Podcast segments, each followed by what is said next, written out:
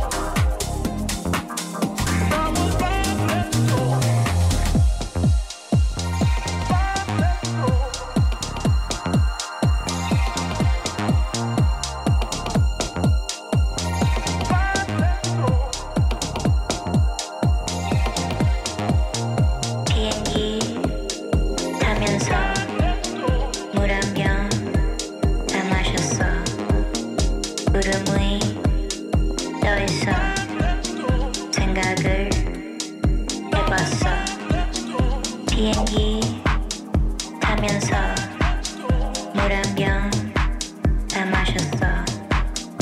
구름 위 떠있어. 생각을 해봤어.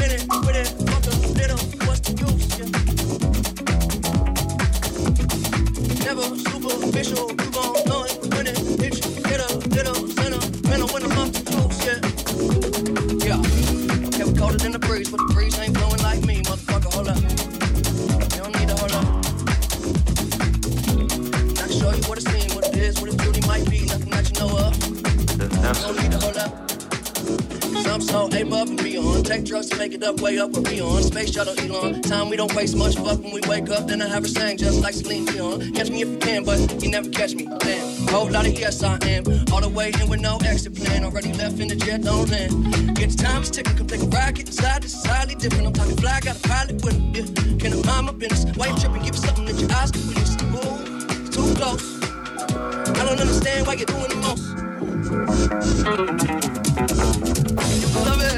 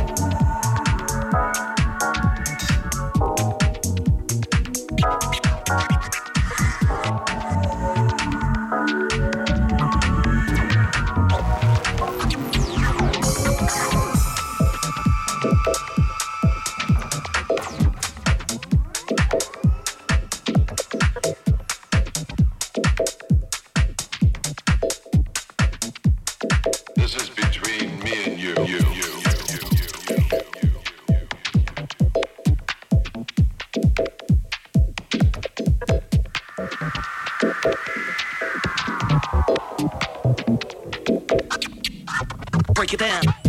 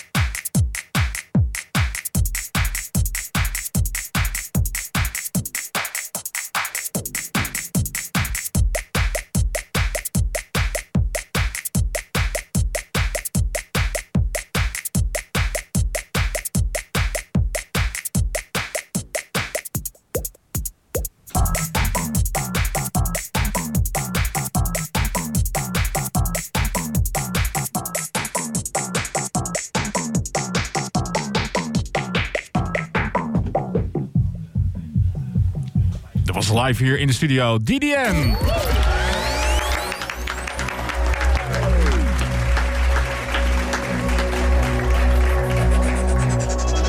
Dennis, tof uh, dat je even langs kwam. Ja, in, je, in, je, kostbare tijd hier in, ja. in Haarlem. Zeker. Voor de mensen ik hoor mezelf nog niet. Ja, kijk, hier ben ik. Dennis, a.k.a. DDN. Die, uh, ja, je woont uh, tegenwoordig in Berlijn, hè? Ja, ik heb daar een, ben daar een avontuur begonnen eigenlijk. ja, ehm, vet. Ik zit daar nu zo'n zeven maanden, denk ik. En ik ben in eerste instantie heen gegaan voor mijn studie. Ik studeer music business. Mm -hmm. En ja, voor, voor, verder ben ik me daar aan het ontwikkelen als artiest. En ook met de evenementen bezig. Ik ben nu zelf voornamelijk aan het focussen op artist management. Dus het draaien staat even op een laag pitje op het moment. Maar ik ben natuurlijk nog steeds heel veel met muziek bezig en draaien in mijn eigen tijd. Maar uh, de gigs laten nog even uit. Dus die komen nog wel, hoop ik. Maar is, is Berlijn, want je hoort natuurlijk al, het is ook gewoon een vette stad om uit te gaan en zo. Ja. Maar is het nou ook voor dit soort dingen echt de stad? Of Ja, gewoon een goede stad om heen te is- gaan? het is de eerste maand dat ik daar zat, ehm, weinig gestudeerd. nee, die stad is zo, zo, ja, zo niet te vergelijken met niks. Want ehm, je ga, dat is gewoon dan zo'n zo'n hele weekend lang gaat het door. Het stopt niet gewoon. Ja. En het begint al op donderdagavond. En dan tot maandagmiddag zijn er gewoon non-stop feesten. En ik heb dan bijvoorbeeld eh, een paar weken terug ging- gingen we dan uit. Dan loop je om zes uur 's ochtends ergens uit. En dan ja, zullen we nog ergens anders heen? En dan ga je gewoon nog ergens anders heen. En dan eindig je op een, eh, op een boot op de spray. En dan komt het zonnetje op. En nou ja, dan uh, dat is gewoon heerlijk. En dan vind je wel weer ergens anders een feestje. Ja, precies. Het, gaat het gaat maar door. En dat is ook wel het gevaarlijke. Ik kan wel op zich een balans daarin vinden. Ja. Maar uh, ja, het, het, het, houdt niet op. En uh, nog steeds ontdek ik zoveel dingen. En het is zoveel te bieden. En ook zoveel kansen kan je zelf krijgen als je daar echt wat wil bereiken. Maar uh, je moet het wel echt zelf doen. Je moet, je moet er wel tijd in stoppen. En er is heel veel concurrentie daar natuurlijk. Want iedereen trekt daarheen die iets in de muziek wil doen. Dus uh, ja, het is wel lastig. Maar voor zover gaat het nog goed. En ik vind het leuk. En hoe lang blijf je daar nog? Of is dat nog onduidelijk? In ieder geval tot je Open studie, einde. maar... eh, Open einde. open einde. Ja, Tof dat je in ieder geval eh, vanavond hier even was. Heel veel plezier nog dit weekend. Yes, eh, met je tijd hier in Haarlem. absoluut. En zometeen hier te gast eh, de gasten van Nooduitgang. Met zometeen allereerst eh, Fabian J. en Digital Honey. Nieuwe gear nodig?